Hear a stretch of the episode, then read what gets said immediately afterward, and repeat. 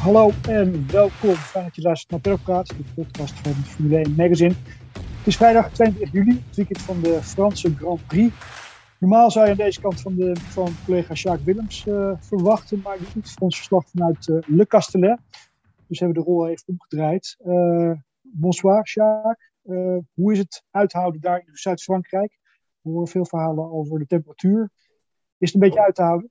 Het is met uh, 4, 35 graden inderdaad uh, ontzettend warm. En de tribunes waren niet afgeladen vandaag, maar de mensen die er zaten, ik uh, heb er diep respect voor, want de zon is ontzettend sterk. Je voelt dat je een soort medium rare gebakken wordt, zeg maar, in de zon.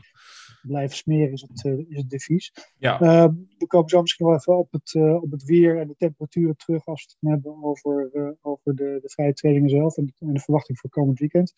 Uh, even terug naar, naar de Castellet, Paul Ricard. Uh, altijd een logistieke nachtmerrie. Moeilijk aanrijdbaar daar. Heb je iets gemerkt vandaag? Had je moeite om bij het circuit te komen? Of is dat allemaal uh, opgelost? Ja, zoals ik al net zei, heel erg druk was het niet. Ze verwachten wel over het hele weekend gezien meer dan 200.000 mensen. Nu heeft volgens mij het circuit een goedgekeurde capaciteit van 110 op een dag, 110.000. Dus nou om dat aantal te halen moet het uh, de komende twee dagen wel behoorlijk vol zitten. Maar ja, die mensen die moeten inderdaad hun auto parkeren ergens op, uh, nou ja, op een weiland waar dan heel veel bussen, er zijn geloof ik duizend chauffeurs ingezet om, uh, om, om die bussen te besturen. En ja, die moeten dan allemaal per bus naar het circuit gebracht worden. Dus okay. ja, het zal uitwijzen of, nou ja, als ze daarmee dat probleem getackeld hebben. Want ja, er loopt eigenlijk maar één weg echt richting ja. het circuit. Dat is gewoon zo'n ja, tweebaans weg. En ja, als het daar eenmaal vaststaat, dan uh, gaat het, komt het ook niet snel meer in beweging. Dus ja, het zal de komende uh, twee dagen moeten uitwijzen of dat uh, nou ja, plan ook echt gaat werken. Ja, nou, of dat plan gaat werken en of dat volgend jaar dan weer zal worden herhaald, dat is maar de vraag. Want er is heel veel gezegd en geschreven over de toekomst van de, van de Franse Grand Prix. De race staat niet op de voorlopige kalender van 2023. Nee hoe is de sfeer daar? Maakt men zich daar zorgen over, over de toekomst van de, van de, van de Franse Grand Prix? Nou ja, als je met, uh, met vertegenwoordigers uh, spreekt van de Franse Grand Prix, die zeggen zich geen zorgen te maken. Ze zeggen ook dat ze geen nieuws kunnen melden. Ze zeggen dat ze dagelijks in contact staan met uh, Formula 1 Management, FOM. ze zeggen dat er genoeg redenen zijn waarom Frankrijk op de kalender hoort. Ze zeggen ook dat de Formule 1 graag in Frankrijk komt. Ze zeggen dat Frankrijk uh, is het belangrijk in de autosportgeschiedenis, uh, ook in de auto-industrie natuurlijk. Met ja. uh, twee coureurs en een team. en en nou, goed, alle historie, goed, dat de laatste, dat, dat is natuurlijk ook zo. Maar we weten ook dat Formule 1 Management nou ja, wel naar de geschiedenis kijkt, maar dat dat zeker niet leidend is. Bedoel, je hoeft alleen maar naar het voorbeeld van Spa te kijken. En dan kun je toch constateren dat met geschiedenis alleen red je het niet. En, dat plan waar ik het net over had, het, het mobiliteitsverhaal. Om het ook duurzamer en om de carbon print, zoals we dan zeggen, uh, kleiner te maken. Ja, daar haal je het niet mee binnen. Dat is gewoon uh, uh, ijdele hoop. Dus ja, wat ik zeg, ze zeggen geen zorgen te maken, maar ik denk dat ze in een achteraf toch echt wel weten hoe, de, nou ja, hoe, het, hoe het erbij ligt. Zijn ze daar dan ook bezig, Paul Ricard, Paul Ricard met, met, met entertainment en dergelijke? Een beetje de richting op die, die Liberty Media wil, zoals we het hier in Nederland ook geregeld hebben? Of merk je daar helemaal niks van? Is er, hoe is qua sfeer daar? Is het, is het, ja, er, is wel dagelijks een, uh, er is wel dagelijks een concert. En, uh, mm-hmm. uh, ik ben nu dan niet meer op het circuit, dus dat, dat concert heb ik even links laten liggen. ik geloof dat morgen wordt er dan ook van alles georganiseerd. Ik denk, ja, ja ik denk dat hun pech ook een beetje is uh, wel dat het zo inderdaad zo bloedheet is. Want ja, zit je na ja. een, uh, een, dag in, uh, in, in de zon, wat hè, bijna geen enkele tribune is overdekt, is nauwelijks schaduw, heb je dan nog zin in om een concert mee te pakken? Hè? Ze willen natuurlijk de mensen wat, de spreiding van het, de uittocht willen ze, die ja. willen ze meer spreiden. Hè? Mensen blijven hangen, mensen blijven weg, zodat het gewoon wat geleidelijker aangaat. Ja, ook nogmaals, dat zal natuurlijk ook moeten uitwijzen of dat uiteindelijk zal werken morgen en zondag. Maar Um, het is niet zo, bedoel, als je even Zandvoort is natuurlijk het voorbeeld van uh, wat door vorm gebruikt wordt, Miami, ja. uh, Austin. Het is niet zo dat er hier uh, constant wat aan de hand is. Het is vrij stilletjes, moet ik zeggen. Niet In ieder geval vandaag.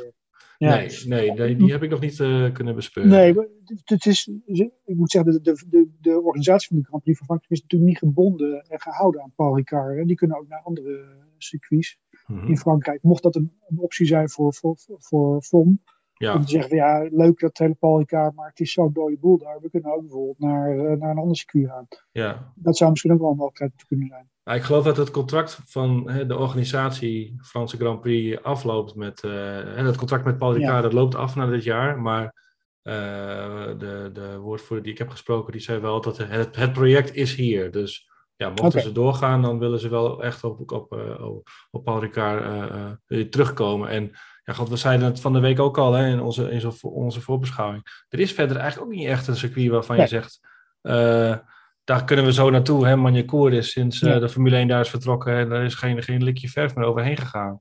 En uh, dan zou het inderdaad van een, een straatrace moeten komen. Om, om, de, om ja, die Franse Grand Prix nieuwe leven in te blazen. Dus ja. ik denk dat de Franse Grand Prix en Paul Ricard wel tot elkaar veroordeeld zijn. mochten ze de, de, de, weer een, opnieuw een contract krijgen. Het blijft toch ook wel erg merkwaardig dat, dat landen als Duitsland en Frankrijk. Met, met zulke autosporthistorie. Met enorme automobielindustrie met succesvolle coureurs niet langer een Grand Prix zullen hebben in de toekomst. Dat valt nee. eigenlijk toch niet uit te leggen. Nee, nee dat is ook heel gek. En uh, ik geloof, hè, diezelfde woordvoerder die verzekerde mij wel dat, uh, dat het met de belangstelling wel heel erg goed zit. Hè. Die, Netflix, voor, ik vind het altijd een. er wordt altijd gretig gebruik gemaakt van, hè, als zolang we Netflix maar noemen, dan komt het een soort ja. van geloofwaardig over. Voor Amerika mm. geloof ik daar wel echt in dat dat heeft geholpen. Heeft dat in Europa nou ook meteen tot een enorme massale belangstelling geleid? Ik vraag het me af, maar goed. Dat werd ook genoemd. De, de kijkcijfers bij Canal Plus lopen op in Frankrijk volgens uh, deze man. Ja, Formule 1 is altijd een beetje, heeft altijd een beetje een gekke verhouding gehad met, met, uh, met de Franse fan. Hè? De Franse racefan is nou niet echt dat je zegt, hè, zoals de Engelsen of zoals ja. de Nederlanders nu zijn. In Duitsland is het ook een beetje een bekend verhaal. Hè?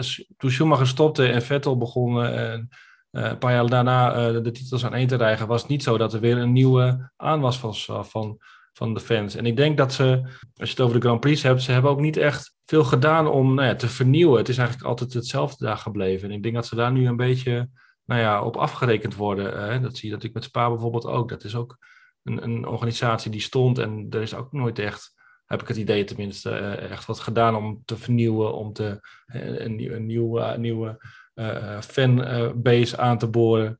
Ja. Ik denk dat ze dat, dat nu een beetje opbreekt in ieder geval. Ja, de actie op de baan dan. we hebben Nick de Vries vanmiddag in actie gezien. Ja, vanmiddag. Ja. Ja, voor Mercedes. in de auto van Lewis Hamilton. Hoe bracht hij het er vanaf? En wat was zijn commentaar na afloop? Je hebt hem gesproken. Hij was, uh, hij was heel, heel positief. Het, uh, wat je zegt in de auto van Lewis Hamilton, dat deed hem toch wel wat. Dat vond hij toch wel heel speciaal. Hè? De auto van de zevenvoudig wereldkampioen. En ook, en Mercedes is natuurlijk ook al acht jaar op rij.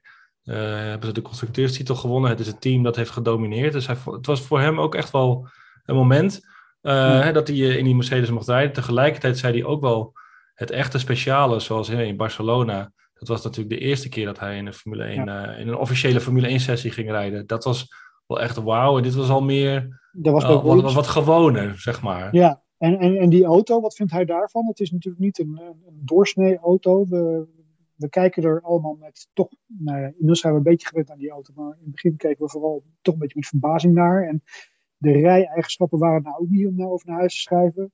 Dat porpoising, dat was natuurlijk bij Mercedes heel erg. Hoe, hoe, hoe kijkt hij daar tegenaan?